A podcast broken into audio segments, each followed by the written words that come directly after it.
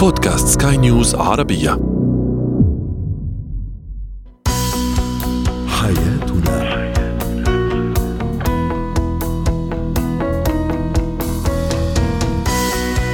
أهلا بكم مستمعينا الكرام إلى برنامج حياتنا برنامجكم اليومي الذي يعنى بشؤون الأسرة وباقي الشؤون الحياتية الأخرى والذي يمكنكم الاستماع إليه عبر منصة البودكاست لسكاي نيوز عربية. معي أنا طيبة حميد. نتحدث اليوم عن التحديات التي تقف أمام الزواج من جنسية مختلفة وفي زينة الحياة الحديث عن الاستعدادات لعودة الأطفال إلى المدارس في ظل أزمة فيروس كورونا. ونسلط الضوء أيضا على إتيكيت زيارة الضيوف.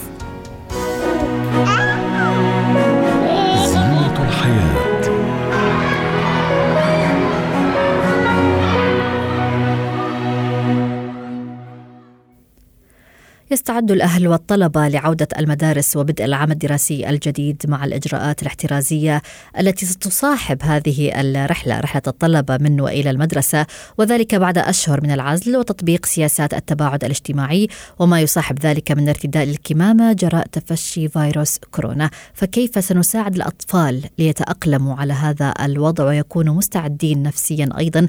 هذا ما ستحدثنا به الخبيرة التربوية فادية دعاس. أهلا بك أستاذة فادية. معنا. بالتأكيد يعني تهيئة الطفل لعودة المدارس هي مسؤولية مشتركة بين الأسرة والمدرسة. ولكن دعينا في البداية نتحدث كيف يمكن آه، للأهل تهيئة الطفل نفسيا قبل العودة للمدارس خاصة في ظل الإجراءات الاحترازية لفيروس كورونا؟ أهلا وسهلا فيك حبيبتي، اكيدا تماما أنا معك هي مسؤولية ثلاثية يعني ما بين الأهل والمدرسة الأهل والمجتمع والمدرسة وكمان الطفل كطفل نعود على المسؤولية. هلأ كيف إحنا بدنا نهيئ الطفل إنه يعود بعد فترة خمس شهور تقريبا من الحجر الصحي أو لمن يدخل لأول مرة إلى رياض الأطفال بهذه بهذا الوضع الصحي. أول نصيحة وأهم شيء إحنا ككبار نكون مطمئنين أو بمعنى آخر ما نبالغ بردود الفعل بحيث إنه الطفل أنت ما بتعرفي ما بتتوقعي منه إذا أنت تصرفتي إنك خائف خائفة كأم هو كيف حيكون ثلاث أربع اضعاف خوفك أنت كولية أمر.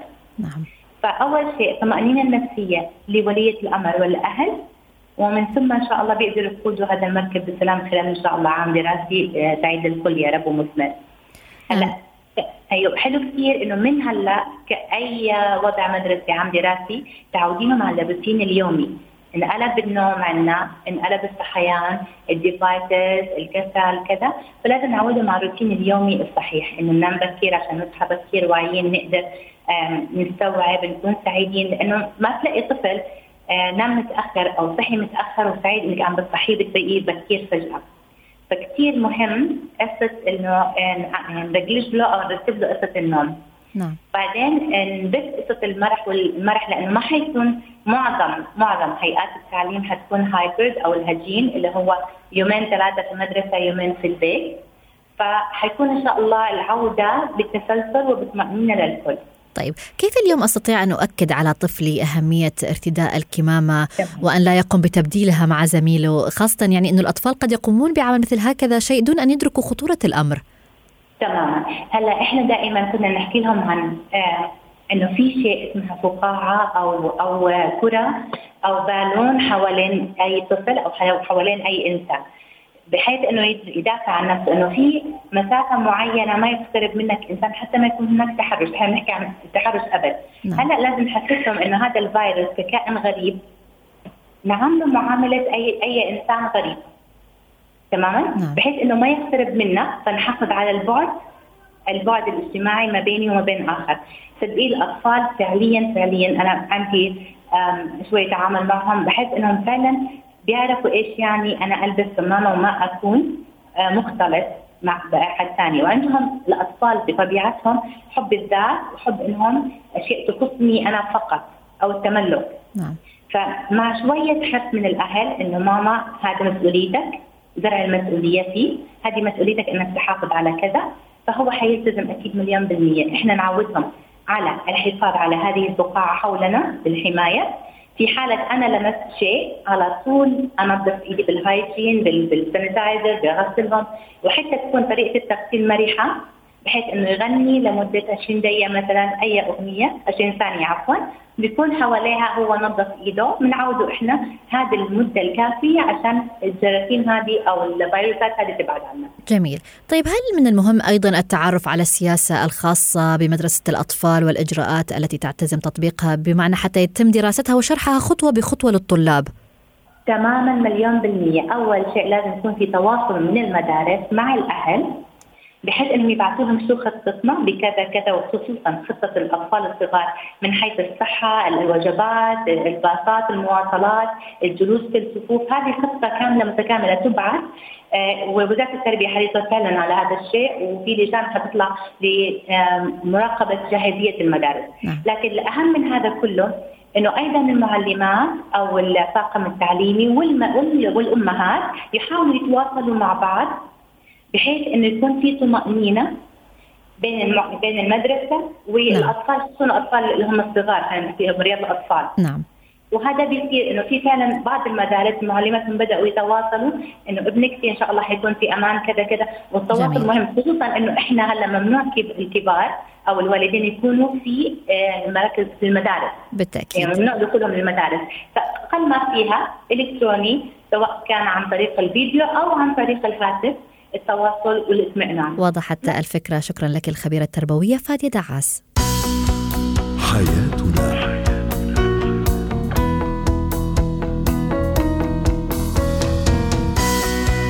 من جديد أرحب بكم مستمعينا الكرام. أنتم تستمعون لبرنامج حياتنا برنامجكم اليومي الذي يعنى بشؤون الأسرة وباقي الشؤون الحياتية الأخرى والذي يمكنكم الاستماع إليه عبر منصة البودكاست لسكاي نيوز عربية. معي أنا طيبة حميد. هو وهي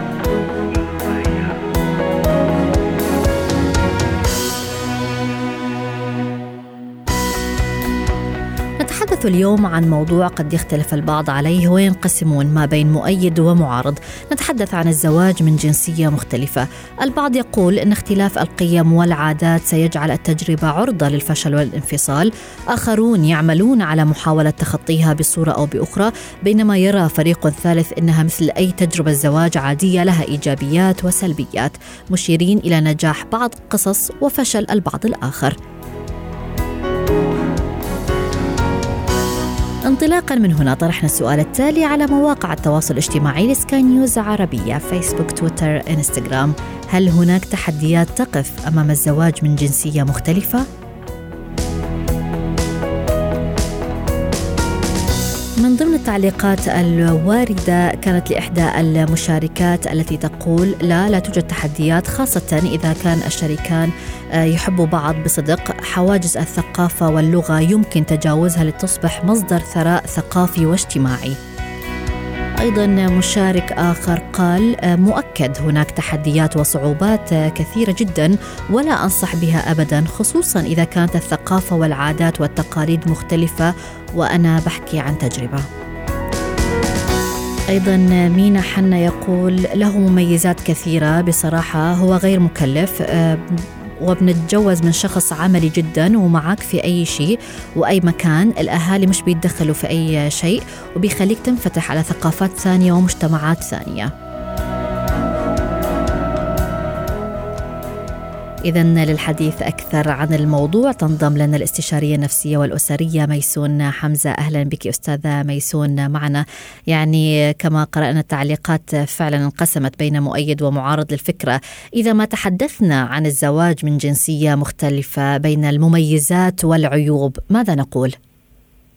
أه مرحبا بك وبجميع المستمعين. طبعا هذا موضوع شائك وتختلف حوله آه، جدا الآراء ومدى القبول والرفض. ولكن نحن عندما نتكلم عن الزواج المختلط أو الزواج العابر للثقافة والمجتمع آه، نحن نتكلم دائما وحتما عن تحديات كبرى. أولى هذه التحديات تتعلق باختلاف العادات والتقاليد ونمط المعيشة. بالإضافة إلى اختلاف آه، بالكثير من السلوكات اليومية واختلاف اللغة واختلاف الطعام واختلاف آه، آه، كثيرا من أساليب التربية المعتمدة خصوصا في حالة الزواج والإنجاب. ونستطيع أن نتكلم قصص كثيرة جدا عن الأشخاص الذين يتزوجون من ثقافات مختلفة مهما تقاربت. نحن دائما نقف أمام تحديات مختلفة. بعض هذه التحديات يكون مبالغ به لأننا نعلم أن الاختلاف هو قائم بين الناس حتى ولو كانوا آه، ينتمون إلى مجتمع تماما. ذاته ولكن ولكن هنالك تحديات تعبر هذا الأمر خصوصا عندما نصل إلى مسألة الثقافة والمنظومة الثقافية فيما يتعلق ب آه، آه، نمط الأعياد، كيفية تربية الأبناء، كيفية معالجة المشكلات وغيرها من المسائل المختلفة.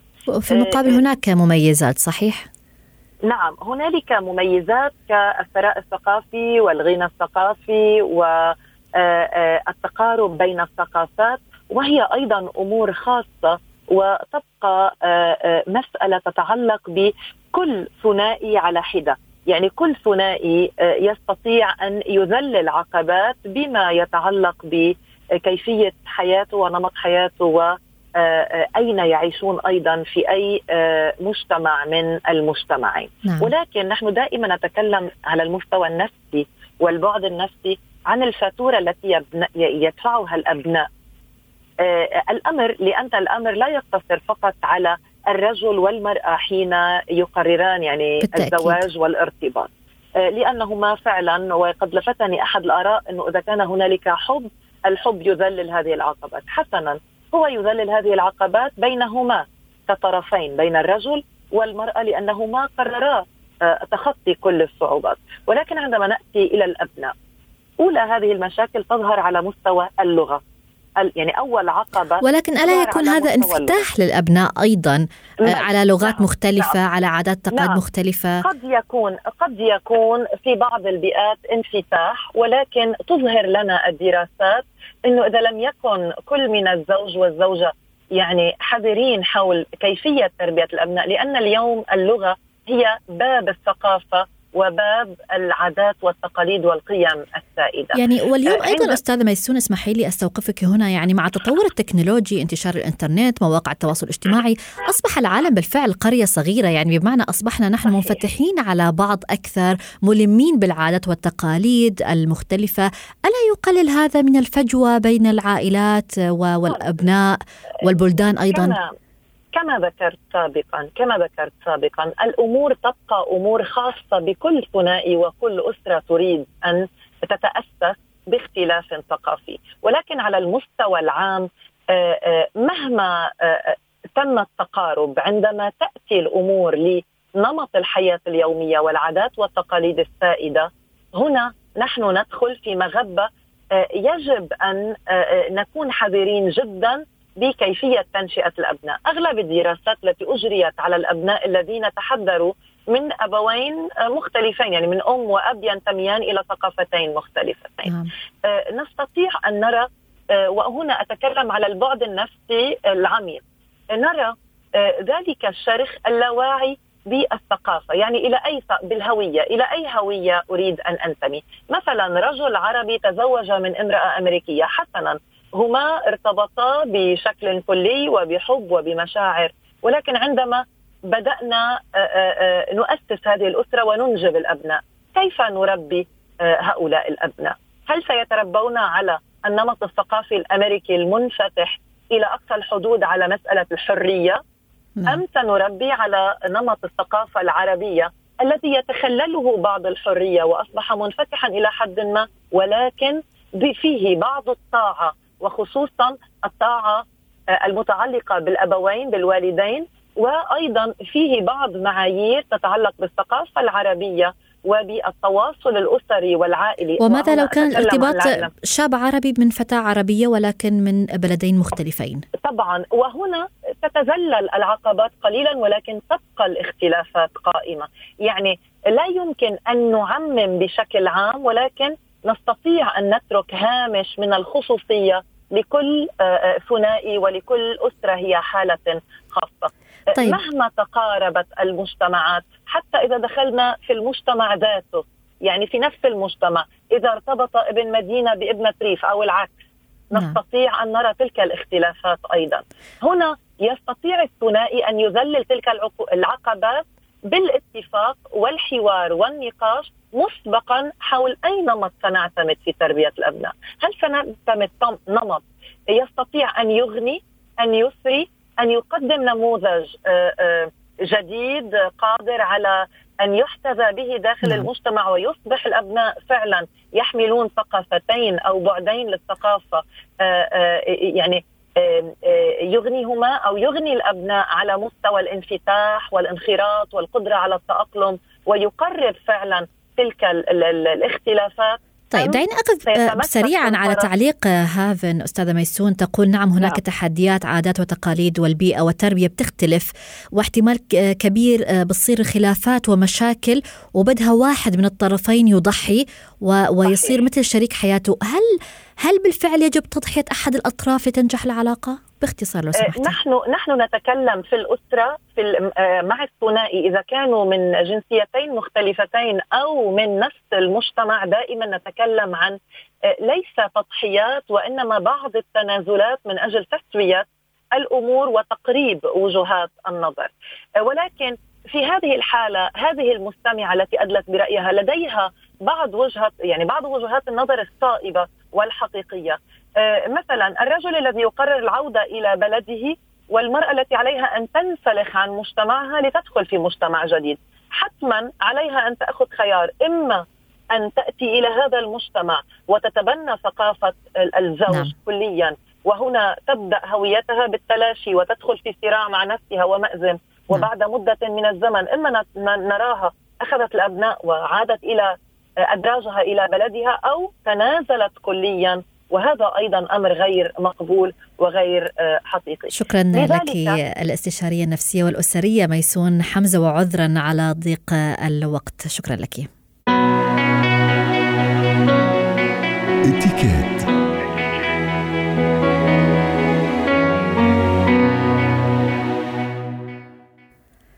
لاستقبال الضيوف قواعد وأصول محددة لكن وللأسف بعض الناس يرتكبون الأخطاء خلال استقبالهم للضيف وهذا ما ينعكس سلبا بالتأكيد على علاقاتهم الاجتماعية. اليوم سنتحدث عن بعض الطرق التي قد نغفلها أحيانا عند استقبال الضيوف. تنضم لنا خبيرة الإتيكيت سلوى عفيفي أهلا بك أستاذة سلوى معنا.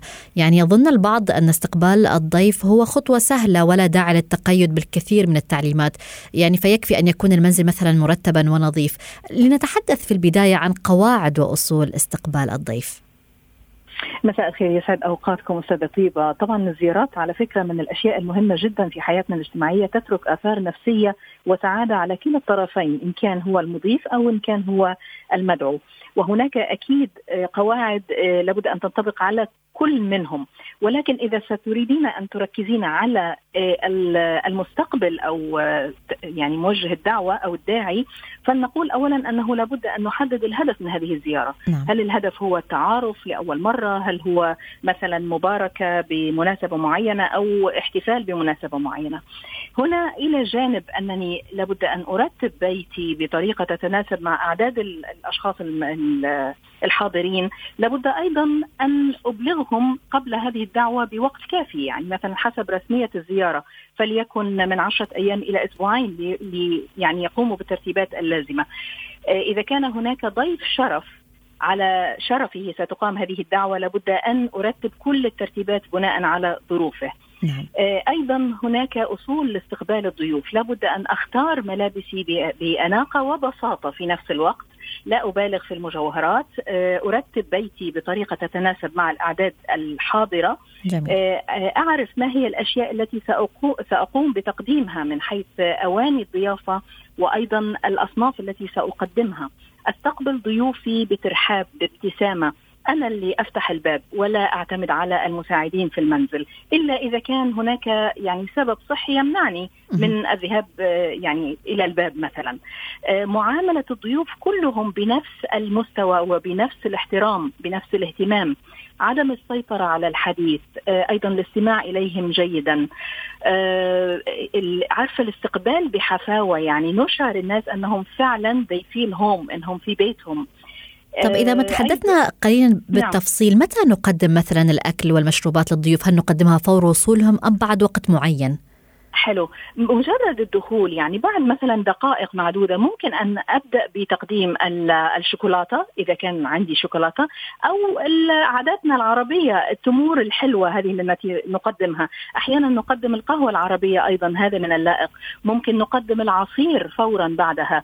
ف وثم ننتظر نوعا ما فليكن نصف ساعة مثلا أو ثلث ساعة نعم. ثم نقدم شاي ونقدم المأكولات الخفيفة يعني مثل الحلوى أو الموالح الخفيفة إذا لم تكن هذه يعني زيارة عشاء طيب ماذا لو كانوا الضيوف من الأهل أو الأصدقاء المقربين هل تختلف طريقة الاستقبال ونستطيع أن نكون على طبيعتنا أكثر؟ نكون على طبيعتنا نعم في جميع الأحوال ولكن أيضا إيه، حتى لما يجيني أخويا يعني أنا أكون سعيدة به يعني بكون عايزة أقدم له الدنيا زي ما بنقول يعني فايضا هناك إيه، نوع من الترحيب والحفاوة ولكن لا نعم. لا تكون بنفس الرسمية يعني مش لازم الكل يشرب عصير هنا أخير الموجودين نعم. كانوا إخوتي أو أهلي أو أصدقائي المقربين إيه، مين يحب يشرب ممكن حد يشرب مثلا قهوة ممكن حد يشرب عصير لا يكون هناك بروتوكول في التقديم أو مثل ما نقول يعني كورسز إنه لازم الكل يأخذ نعم. عصير أو الكل ياخذ فهنا يكون هناك في مرونة أو حرية أكثر في الاختيار. ولكن في المجمل دائما نختار الموضوعات اللطيفة. جميل. نحرص على آه، وقع هذه الزيارة تكون أنيقة ولطيفة على الكل. شكرا لك خبيرة الاتيكيت سلوى عفيفي. حياتنا.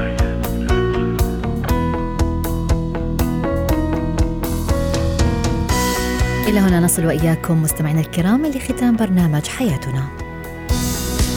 حياتنا.